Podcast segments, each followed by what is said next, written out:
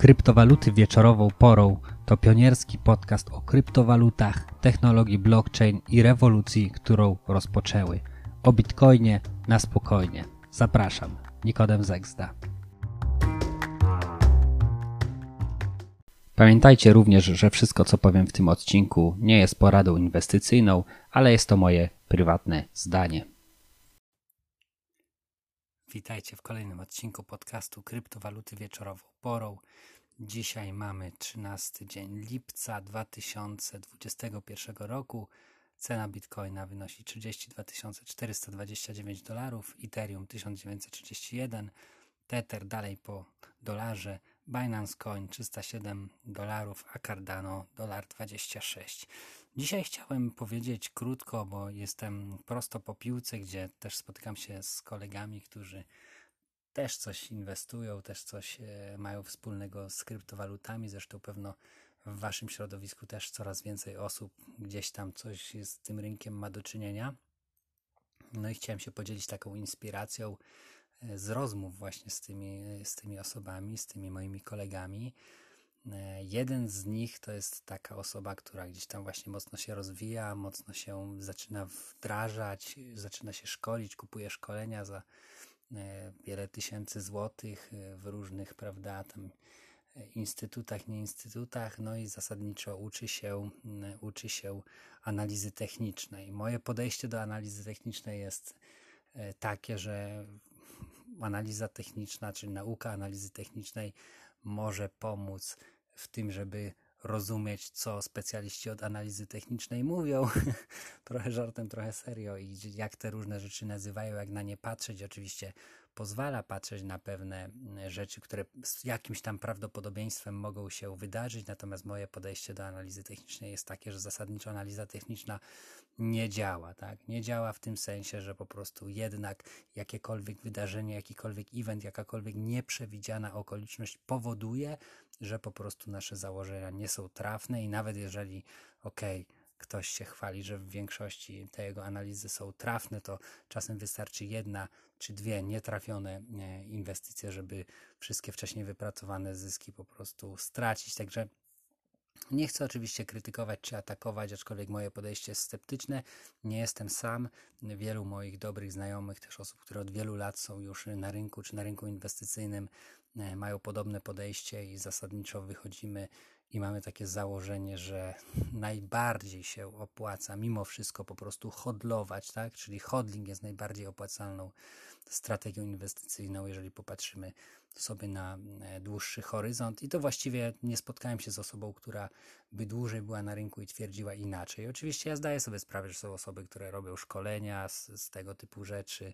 E, mówię teraz w tym momencie o tradingu, czy są influencerzy, którzy prawda, tego uczą. No, to jest trochę tak, że ludzie chcą tego słuchać, chcą to oglądać, bo my chcemy wiedzieć, chcemy rozumieć. Nie? I takie ładne, mądre słowa, mądre określenia padają i one gdzieś tam dają nam takie poczucie, że coś więcej wiemy i jesteśmy w stanie jakoś tam lepiej to e, w naszym rozumieniu rozumieć. Ale tak jak mówię, sama znajomość analizy technicznej oczywiście może dać jakąś, e, jakąś informację, natomiast zasadniczo jakby to było takie proste, to dawno już ci wszyscy od analizy technicznej byliby zarobieni, a z tego co widać zazwyczaj nie są i głównie zarabiają czy z jakichś kursów, czy e, prawda, z, z, z bycia, e, z reklam na YouTubie i tak dalej, więc Generalnie moje podejście jest dość sceptyczne i tak jak wspomniałem wcześniej, przede wszystkim patrzę fundamentalnie, jeżeli dany projekt wydaje się sensowny, wydaje się dobry, jest w miarę projektem takim pewnym, który ma jakieś szanse powodzenia, no to po prostu wolę go kupić, hodlować, ewentualnie dokupywać, e, ewentualnie jak jest możliwość to stejkować, no i po prostu w taki sposób systematycznie budować mm, sobie po prostu e, kapitał. Druga osoba z kolei to jest taka osoba, drugi mój kolega, który chce takie szybkie zyski generować i też gdzieś tam kupował sobie od jakichś speców, prawda, tam za kilka tysięcy złotych chyba miesięcznie, z tego co pamiętam, gdzieś tam z dwoma czy trzema kolegami się zrzucali i sygnały dostawał, tak? Co kupować, ile sprzedawać i tak dalej. I sam mówi, słuchaj, no wszystko fajnie, jak wszystko szło do góry, to te sygnały się jakoś tam sprawdzały, no bo pamiętajmy, że na wzrostach na Hossie to wszyscy są geniuszami po prostu inwestycyjnymi. No ale w którymś momencie, jak to sam określił, patrzy na te sygnały, kurde, ty, nie tak miało to wyglądać, tak? What the fuck, o co chodzi? No i wszystkie wcześniej wypracowane zyski gdzieś tam po prostu zostały, zostały z, no, zniwelowane, tak? Więc wiadomo, tu wchodzi kwestia realizowania zysków, tu jest kwestia, wchodzi kwestia planowania finansowego i tak dalej. Natomiast wydaje mi się, nie wiem jakie jest Wasze zdanie, możecie napisać w komentarzu, że wiele osób szuka takiej drogi na skróty i chciałoby po prostu szybko gdzieś e, pewne cele osiągnąć, pewne zyski. Brakuje im cierpliwości, brakuje im jakby takiego pogodzenia się z rzeczywistością, że, że inwestowanie po prostu to jest przede wszystkim kwestia cierpliwości, tak? To jest przede wszystkim kwestia tego, żeby, żeby e, spekulować, jeżeli już ktoś spekuluje, to w taki sposób, żeby oszukać innych na rynku, że się tak wyrażę, zresztą jak mówi Rafał Zaorski, więc generalnie e, o to chodzi, nie? Analiza techniczna z moich obserwacji jest e, o tyle, powiedzmy, może, się, może być przydatna i się sprawdzać, że wielu ludzi w nią wierzy, nie?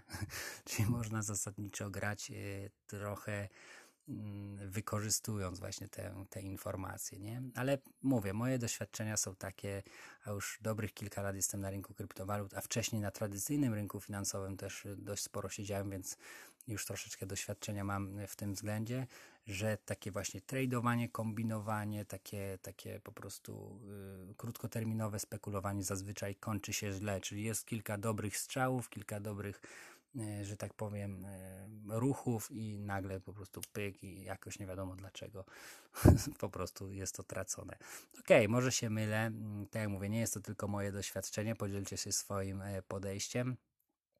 Moje, tak jak mówię, doświadczenie jest takie, że najlepiej po prostu jest hodlować, czyli trzymać i być cierpliwym, ewentualnie dokupywać. I w perspektywie, ja przynajmniej podchodzę kilku, kilkunastu, może letniej do, do, mówię może, bo taki horyzont, który gdzieś tam zakładam, to jest około dziesięcioletni, ale wiadomo, też pewne rzeczy mogą się zmieniać po drodze, mogę zmieniać również swoje podejście, więc zakładam, że może to się trochę wydłużyć, natomiast patrzę właśnie bardziej fundamentalnie i kupuję te projekty, które moim zdaniem przetrwają minimum te 5-10 lat.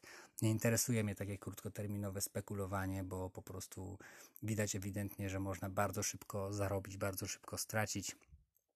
Mam osobiście znajomego, który, który po prostu z 8 milionów wylądował na 500 tysiącach złotych właśnie przez tego typu e, spekulacje, czyli najpierw zarobił, później wszystko to stracił i jeszcze był w plecy, także no ciekawe to jest, nie? że w większości przypadków, jak się tak szczerze porozmawia z tymi ludźmi, którzy gdzieś tam tak inwestują czy tradują krótkoterminowo, no to to nie jest tak kolorowo, jak to jest nam czasami podawane i okej, okay, jeżeli ktoś chce się szkolić, rozwijać e, w tym względzie, ja tego absolutnie nie krytykuję, uważam, że, że, że warto, natomiast moje, tak jak mówię, podejście jest takie, że na przykład szkolenia z analizy technicznej uczą tego właśnie, jak rozumieć, czytać analizę techniczną, ale wcale nie gwarantują nam tego, że dzięki temu będziemy mm, faktycznie uzyskiwać zyski, tak? Uzyskiwać zyski, generować zyski. No, może to jest lepsze, lepsze wyrażenie.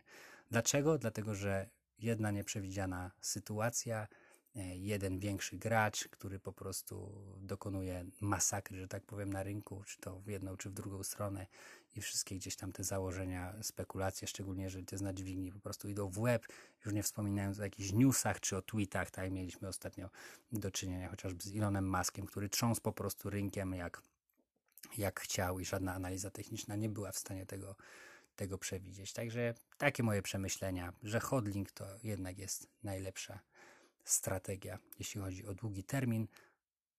I największy problem, wydaje mi się, jest taki, że ludzie by chcieli bardzo szybko, e, od razu, prawda, w ciągu tygodnia, miesiąca, czy tam kilku miesięcy osiągnąć spektakularne wyniki i przez to właśnie podejście właśnie tracą. Także napiszcie mi, co wy na ten temat myślicie powoli wracam do kryptodziennika, więc będę regularnie starał się publikować odcinki już tak po powrocie e, z wakacji. E, no i co, słyszymy się pewno jutro w takim razie. Dzięki za wysłuchanie i do następnego razu. Trzymajcie się, cześć.